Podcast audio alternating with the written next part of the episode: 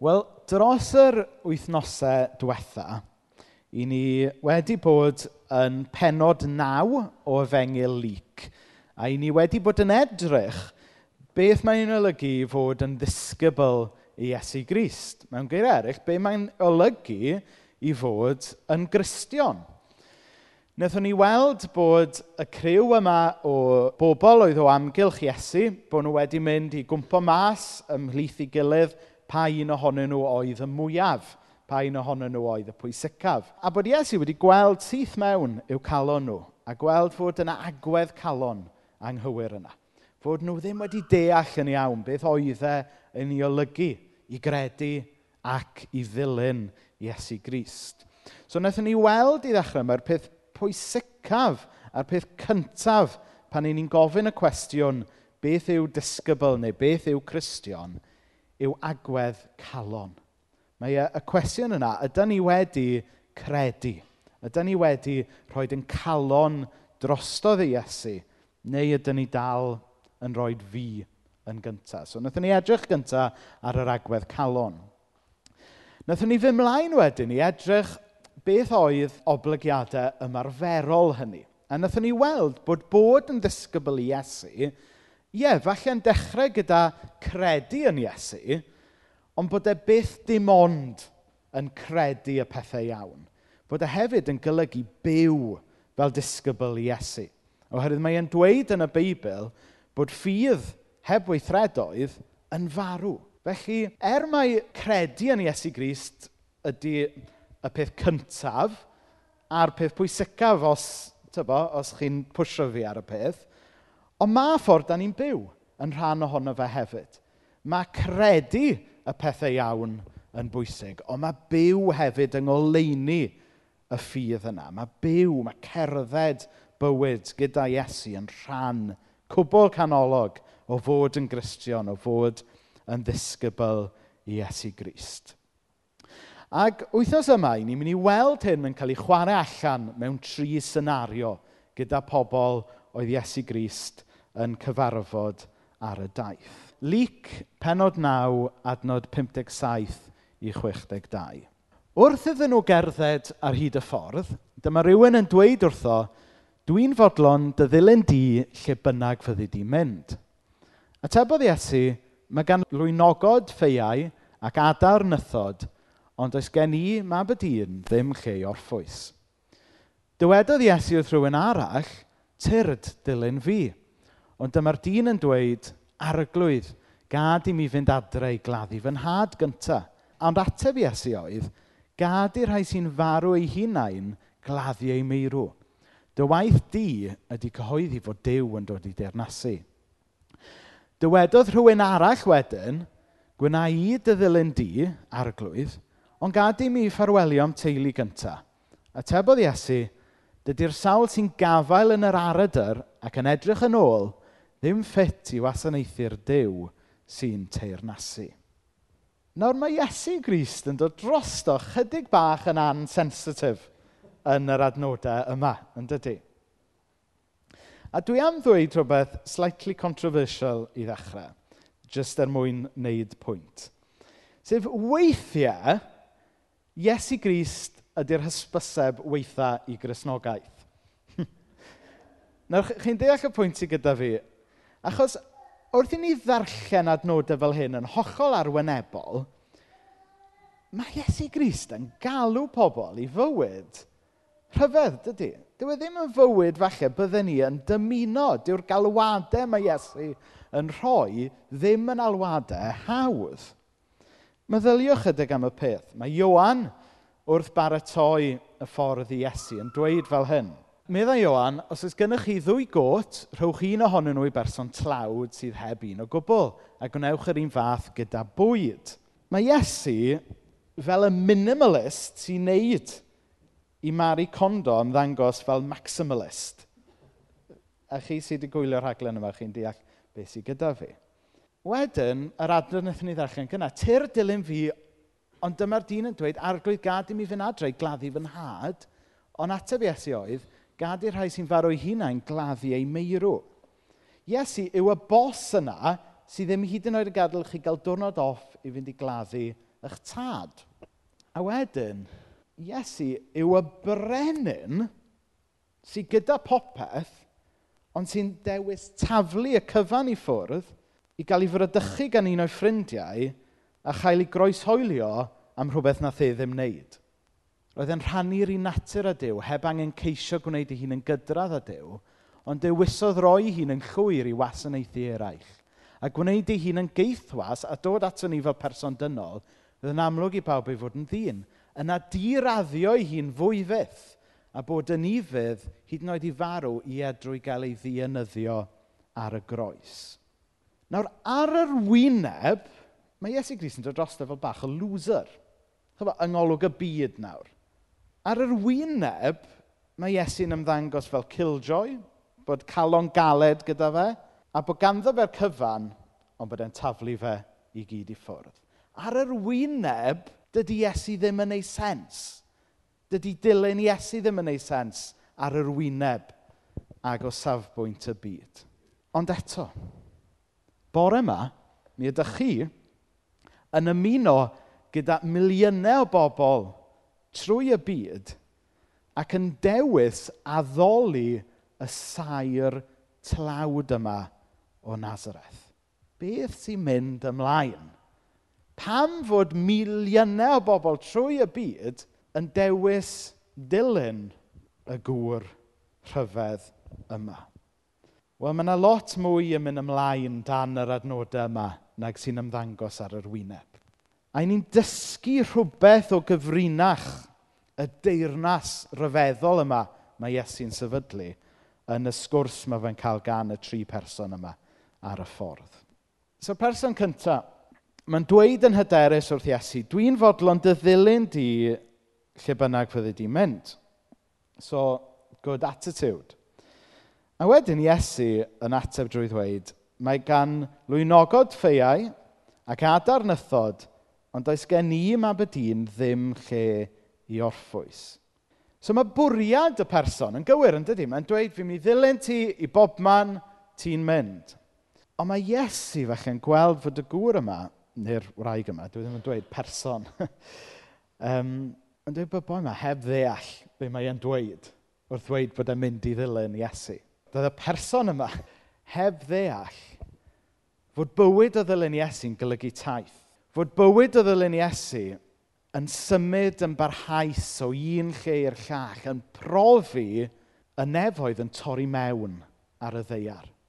Ac felly mae nid bywyd cyfforddus, bydde hwn, ond bydde fe'n fywyd a rywydd eitha unsettling. a rywydd bydde'n taflu popeth fyny yn yr awyr. Oedd e'n daith i Iesu oedd yn gorffen ar y groes, ar fynydd Calfaria. Nawr mae'r un Iesu sy'n galw pobl i'w ddilyn e, i ddilyn y llwybr gerddodd e fe, yw yr un Iesu sy'n dweud bod e mynd i ddod i roi gorffwys i bobl sydd yn flinderog a llwythog. Felly, beth sy'n mynd ymlaen fan hyn? Ydy, ydy Iesu'n confused yw yn dweud, un munud, wel, mae rai chi ddilyn fi a mae'r llwybr yna mynd i fod yn rili really anodd, a wedyn munud nesaf mae'n dweud bod e wedi dod i roi heddwch a gorffwystrau bobl. Beth sy'n mynd ymlaen? Oes yna, diw hwn ddim yn ei sens. Mae e yn ei synwyr unwaith da ni'n deall be mae teirnas ddew amdano fe. Achos mae Iesu, dyw e heb ddod i roi bywyd hawdd fel mae'r byd yn meddwl am fywyd hawdd. Ond mae e wedi dod i roi heddwch a gorffwystra dofn ysbrydol dydy'r byd yma ddim yn gwybod dim amdano fe. Mae e wedi dod i roed rhywbeth hollol wahanol. A crucially gyda'r boi cyntaf yma, mae bywyd o ddilyn Iesu, mae e'n antur a mae e'n gyffroes, ond dyw e ddim o reidrwydd yn fywyd hawdd. A mae'n bwysig bod ni fel Cresnogion yn atgoffa ni o hynna. Oherwydd mae yna rhyw duedd falle, a falle bod fi wedi bod yn euog yn neud awr, Rowch eich ffydd yn Iesu a bydd eich holl fywyd chi yn syrthio le a bydd bywyd yn hawdd. Ond dim fel na ma fe. Dwi wedi profi hwnna'n hun a dwi'n gwybod bod rhai o'n chi wedi profi hynna. Dydy roed yn ffydd yn Iesu ddim yn sortio'n holl broblemau ni allan fel na. Ond be mae e yn wneud ydy golygu fod y Dyw sydd wedi'n creu ni yn cerdded gyda ni drwy bopeth mae'r byd yma'n taflu ato ni. Pa mae'r byd yma'n taflu pethau da ato ni, ni'n rhoi dy diolch i ddew. Pa mae'r byd yma'n taflu pethau anodd ato ni, Dyw yw y nerth sydd yn yn dal ni. A mae mor bwysig bod ni'n cofio hynna. Dyw'r efengel grisnogol ddim yn addo bywyd hawdd, ond mae'r efengel grisnogol yn addo fod Iesu yn cerdded gyda ni, beth bynnag mae'r byd mae'n taflu ata ni. Ac felly, mae gyda ni opsiwn yn does. Da ni'n eich yn chi dewis y bywyd hawdd mae'r byd yn cynnig i ni, ond sy'n yn y diwedd falle yn gadael ni lawr ac yn torri ni lawr, neu ni'n chi dewis dilyn Iesu, sydd yn chydig bach o Rocky Road, ond wrth gwrs mae Iesu'n mynd o'n blaen ni. Dyna'r gwahaniaeth yn dyfa. A dwi jyst am rhoi enghraifft i chi o, o ddau berson un person sydd wedi dewis y llwybr hawdd ac un person sydd wedi dewis dilyn Iesu trwy bopeth. Nawr, felly bod chi yn gwybod am y gŵr yma, mae'n bregethwr o America, Tony Campolo yw ei enw fe. A mi oedd stori gyda fe am ddau fyfyriwr oedd um, daniadau yna rai blynyddoedd yn ôl. Ac oedd y myfyriwr cyntaf yn hyfforddi fel doctor – A tra oedd e'n fyfyriwr yn hyfforddi fel doctor, fe ath e ar daith i Haiti. A nath e weld y tlodi, uh, nath e weld y caledu, a nath e weld cynlleied o ddoctoried oedd yn gweithio yn y wlad yna. A ddath e dan ar gyhoeddiad ar ôl iddo fe orffen hyfforddi fel meddyg y bydde fe'n mynd fel cenhadwr i weithio fel meddyg yn Haiti. Wedyn oedd y myfyriwr arall yma yn fyfyriwr y gyfraith. Oedd e'n un o'r rhai fwyaf brait yn ei flwyddyn, ac oedd e'n yr Harvard Law School, sydd mae'n debyg yn un o'r ysgolion cyfraith gorau trwy, trwy y byd. Ac efe wedi mynd mlaen i weithio i unrhyw un.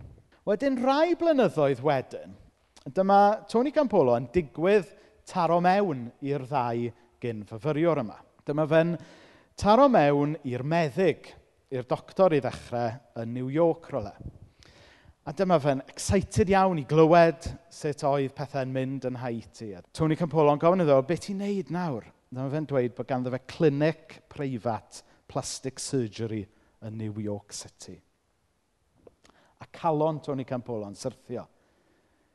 Gan bod y gŵr ifanc yma oedd wedi cael galwad gan yr arglwydd, oedd wedi dod dan ar gyhoeddiad gan yr arglwydd, ond wedi gwerthu allan wedi defnyddio y ddawn oedd Dyw wedi rhoi iddo fe jyst i wneud pobl gyfoethog yn bertach yng ngolwg y byd.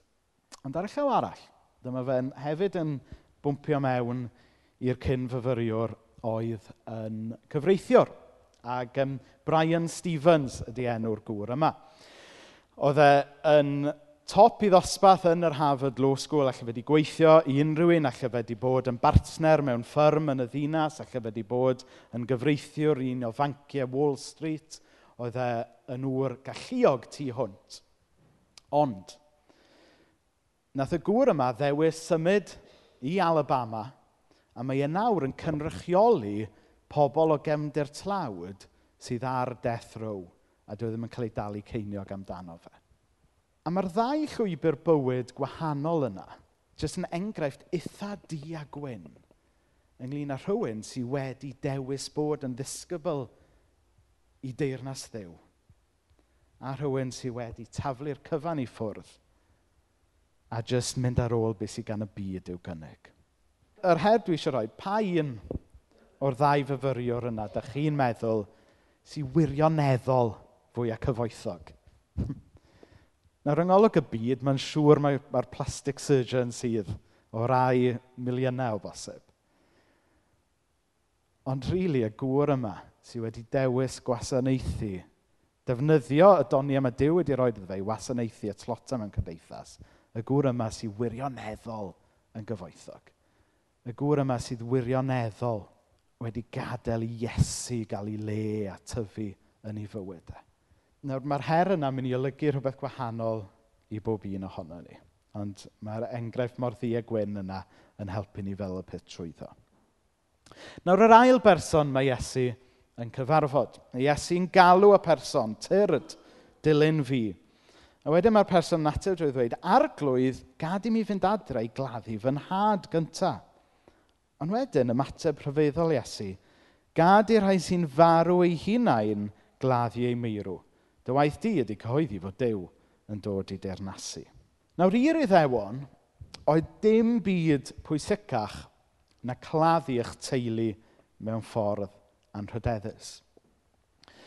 Dyma oedd yr unig beth yn y diwylliant iddewig oedd yn dod cyn astudio'r gyfraith, cyn darllen yr ysgrythurau, cyn addoli yn y deml hyd yn oed.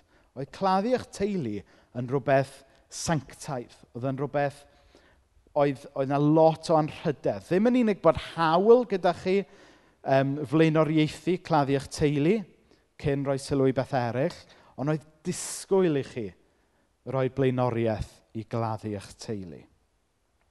Ac yn y diwylliant iddewig, oedd e'n gwbl gywilyddus os o'ch chi'n esgeuluso y cyfrifoldeb yma. Felly mae'r geiriau yma gan Iesu yn hollol rhyfeddol. A mae geiriau Iesu ar y gorau yn dod drosto yn ansensitif ac ar y gweitha yn dod drosto yn gwbl sarhaus.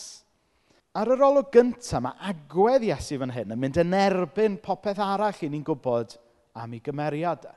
Felly be sy'n mynd mlaen fan hyn? Wel, be mae Iesu yn ceisio cael y disgyblion yma i ddeall yw fod galwad teirnas nefoedd uwchlaw ac yn gweithio trwy popeth arall. Ddim bod popeth arall mewn bywyd yn ddiwerth a di bwrpas, ond yn hytrach bod popeth mewn bywyd i'r Cristion dim ond yn ei sens yn context teirnas ddew. A mae Iesu'n dweud mewn, um, mewn lle arall yn, yn Efengil Matthew, Beibl Cymraeg Newydd, ond ceisiwch yn gyntaf deyrnas ddew a'i gyfiawnder ef a rhoi'r y pethau hyn i gyd yn ychwaneg i chi. Bibl.net, y flaenoriaeth i chi ydy gadael i ddiw deyrnasu yn eich bywydau a gwneud beth sy'n iawn yn ei olwg. Wedyn byddwch yn cael pethau eraill yma i gyd. Hynny yw, mae pethau eraill yn bwysig mewn bywyd. Mae teulu yn eithriadol o bwysig mewn bywyd. Ond os da ni yn rhoi y flaenoriaeth i deyrnas ddiw, bydd hwnna'n rhyddhau ni wedyn, actually, i fod y person gorau ym mhopeth arall. Chi'n chi deall beth be sy'n gyda fi? So, mae mena yn rolio lle cynnar, achos mae'n problem meddwl, o na, mae'n mynd i ddefnyddio enghraifft o adre nawr. So, so na i, na i ddefnyddio'r er cwpl um, eiddfed yma fan hyn fel enghraifft yn lle. Nawr, er mwyn i Dennis, dyma fi, gŵr ifanc yn rhoi cyngor i, i wr uh, eiddfed fan hyn. I dengys fod y gŵr gorau, mae'n rhaid fe'n gyntaf fod y Cristion gorau. Chi'n deall beth sydd gyda fi? I, i dengys geisio bod y gŵr mae Dyw wedi galw fe i ddod, mae hynna'n tarddu allan o'r ffaith bod e'n gyntaf yn ceisio yr arglwydd. Chi'n deall beth sydd gyda fi? Wrth i ni geisio teirnas ddew, mae hwnna'n rhyddhau ni wedyn i fod yr athro gorau gallwn ni fod, i fod y fam gorau gallwn ni fod, i fod y cydweithiwr gorau gallwn ni ddod. Os da ni'n ceisio teirnas dew, bydd hynna wedyn yn rhyddhau ni i fod y disgybl gorau deyrnas Dyw ym mhob sefyllfa arall da ni'n ffeindio'n gilydd ynddo fe. Felly mae Iesu yn dweud e yma'n ffordd hash iawn, ond dyna yw'r gyfrinach mae Iesu yn trio – dyw Iesu ddim yn dweud wrthyn ni just hollol diastyru yn teulu. Ac yn sicr dyw e ddim yn dweud wrthyn ni hollol diastyru anrhydeddu yn teulu. Ond be mae'n dweud yw, i ni geisio'n gyntaf i deyrnas e, a bydd hwnna'n rhyddhau ni wedyn i fod yn bobl i deyrnas e yn bobman arall. Wedyn yn ola, y trydydd person mae Iesu yn dod ar ei draws. Person dweud wrth Iesu, gwna y ddilyn di arglwydd. Ond gad i mi fynd i ffarwelio am teulu gyntaf. A Iesu'n dweud, dydy'r sawl sy'n gafael yn yr arydr ac yn edrych yn ôl ddim ffit i wasanaethu'r Dyw sy'n teirnasu. Nawr ar yr olwg gyntaf, mae cais y person yn ymddangos yn ddigon teg yn dydy. Um, bod e eisiau jyst mynd i ddweud wrth i deulu bod e'n mynd am, am jangle bach gyda Iesu rownd y llyn neu lle bynnag o'n nhw'n mynd. Ond mae Iesu'n gweld trwy agwedd calon y person yma. Mae e'n gweld actually beth sy'n mynd mlaen y mywyd y person yma yw bod e yn styc yn edrych yn ôl. Bod e, bod e'n styc yn gafel ymhethau ddoi. Nid eisiau ffarwelio a'i deulu, mae'r person yma go iawn. Ond yn hytrach, cael traffaeth gadael i fynd a'i orffennol felly. A mae hwnna'n rhywbeth grymus iawn ydy. Mae e'n hawdd iawn i ni adael i'n gorffennol ni yn rheoli a'n diffinio ni. Da ni gyd yn gynnyrch ddoi yn dydyn ar rywydd. Hynny yw, da ni gyd yn pwy yda ni oherwydd beth sydd wedi digwydd yn y gorffennol a beth sydd wedi dylanwadu arna ni yn y gorffennol, yn, yn aml yn teulu ni. A sy'n byd yn bod gyda edrych yn ôl a dysgu o hynna gan rhydeddu hynna. Ond fel Cristion, mae rhywbeth yn bod gyda gadael i ddoi ddiffinio heddiw ac yfori. Achos mae Iesu yn sgwennu stori newydd y mywyd pawb sy'n trystio yno fe. Wrth gwrs bod ni dal i gario baggage ddoe, wrth gwrs bod ni dal i gario pethau na ddylanwadu arna ni ddoe, Ond un o'r pethau canolog ynglyn â'r efengyl grisnogol yw bod dim rhaid i ddoe ddiffinio pwy ydy ni heddiw. Be sy'n diffinio ni heddiw ac yfory yw y ffaith bod ni yn bobl sydd wedi derbyn gras am y ddeiant. Ac er bod ni'n reslo, er bod ni dal yn cario briwiau ddoi, does dim rhaid i bechodau a briwiau a baich ddoi yn diffinio ni nawr. Ond fe all yn hunaniaeth newydd ni o fod yn blant sydd wedi derbyn gras am y ddeiant, sgwennu stori newydd heddiw ac ymlaen. A dyma mae, mae Iesu yn trio i ddysgu fel hyn. Mae'n defnyddio delwedd o fyd amaeth, sydd yn yr oes sydd ohoni falle ddim yn ei sens. Ond mae'n debyg, os oeddech chi'n aredig, ddim bod fi erioed wedi aredig, Ond chyfo, os oeddech chi'n mynd fel hyn ac edrych nôl, a wedyn oeddech chi'n edrych nôl ac oeddech chi, oedd y lein wedi mynd yn sgwiff. So, mae genna i, dwi wedi cyfieithu y ddelwedd i um, fyd modern. Nawr, pan o'n i yn neud fy mrawf gyrru, flynyddoedd yn ôl, rhyw 15 mlynedd yn ôl nawr, mae rai fi gyffesu, nes i fethu y mrawf cyntaf. Ac un o'm mhroblemau i oedd, oedd yr athro yn dweud bod fi ddim yn checio'r mirrors digon aml. O'n i ddim yn checio'r mirrors. So ar ddiwrnod y prawf, nes i overcompensatio a nes i wneud pwynt o edrych lot yn y drych. A'r broblem oedd, wrth bod fi'n dod fyny i roundabout, oedd yn llygad i'n fixed yn y rhif fyw mirror, ond wrth gwrs y broblem oedd, o'n i ddim wedi gweld beth oedd ymlaen i.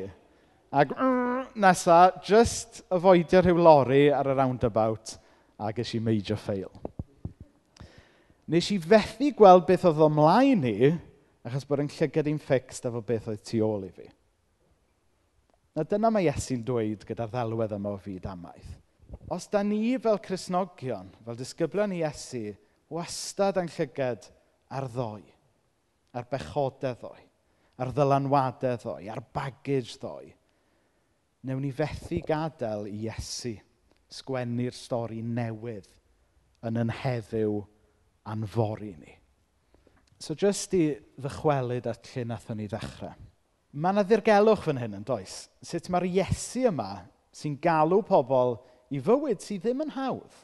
Rhywset a miliynau o bobl bore yma yn ei addoli. Beth yw'r gyfrinach yma? Wel, y gyfrinach i fod y deyrnas da ni'n cael yn gwahodd i berthyn iddo fe yn deyrnas dragwyddo. Yn deyrnas sy'n cynnig heddwch na wyr y byd amdano. Oedd yr apostol Paul wedi ei deallu pan wedodd e fel hyn. Canys byw i mi yw Crist a marw sydd elw. Beibl.net. I mi, y myseia ydy hoch ystyr a phwrpas byw, a dwi'n ennill hyd yn oed os bydda i yn cael fy lladd. Wedyn nes ymlaen yn y llythyr mae'r Apostol Paul. Mae e, Apostol Paul yn rhestru popeth bydol sydd o'i blaid e. So mae e'n mynd mlaen a dweud, basically, fi'n dod o stoc da. Fi'n deall y gyfraith i gyd. Fi'n fi dod o deulu da. Fi'n dod o, to, my tribe is good. My stock is good. Mae'n dweud, o'n i gymaru â hynna. Mae hwnna'n ddim byd i gymariau perthyn i'r meseia. Rwy'n ni'n cyfri'r pethau yna i gyd mor bwysig ar un adeg. Ond o achos be wnaeth y meseia, dyn nhw'n ddau ddim bellach. Does dim byd mwy gwerthfawr bellach na'r fraint aruthrol o gael adnabod fy arglwydd y meseia Iesu. Dwi'n gallu byw heb y pethau eraill i gyd, cyn belled am mod i'n cael y meseia. Sbwriel ydy'r cwbl o'i gymharu a chael perthyn i'r Meseia. Nawr, yng ngolwg y byd, mae hepusrwydd a heddwch dim ond un clic i ffwrdd, dim ond un llyfr self-help i ffwrdd, dim ond un gwyliau Centre Parks i ffwrdd, ac i bobl sydd just yn fixed yn y feddylfryd yna. Dydy tenas nefoedd ddim yn ei sens, na di? Achos mae'r llwybr mae Iesu'n galw yn lwybr heriol, yn lwybr anodd i ddechrau ond mae'n lwybr sy'n arwen i freichiau y tad yn y nefoedd nath yn creu ni. Mae'n lwybr anodd weithiau, ond mae'n lwybr sydd yn arwain i ddeiar newydd, i nefoedd newydd, lle fydd ddim poen, lle fydd dim arwolaeth, a lle fydd Iesu ei hun yn sychu pob deigren. Nawr falle bod y llwybr yn un anodd, ond mae'n lwybr sy'n werth i gerdded. Os mae Iesu yn cerdded y llwybr gyda ni, ac ar y pen draw, mae'n tad yn y nefoedd yna a'i freichiau agored i'n derbyn ni. Mae e'n ateb, mae e'n alwad, y gallwn ni gyd drwy'r ffydd ymateb iddo fe. Falle am y tro cyntaf, falle o'r newydd bore yma. A mae pawb sydd yn ymateb i'r alwad yna i fod yn ddisgybl i Iesu yn ymuno gyda'i gilydd nawr o gwmpas swper yr arglwydd. Dyma yw'r pryd o fwyd nath Iesu sefydlu fel ffordd o atgoffa ni ynglyn â beth yw'r allwedd i deyrnas nefoedd. Sef fod e wedi marw i ni gael byw. Fod e wedi mynd yn aberth i ni gael heddwch a rhyddid Dydy'r byd ddim yn gwybod amdano fe. Gen i blygu pen mewn gweddi.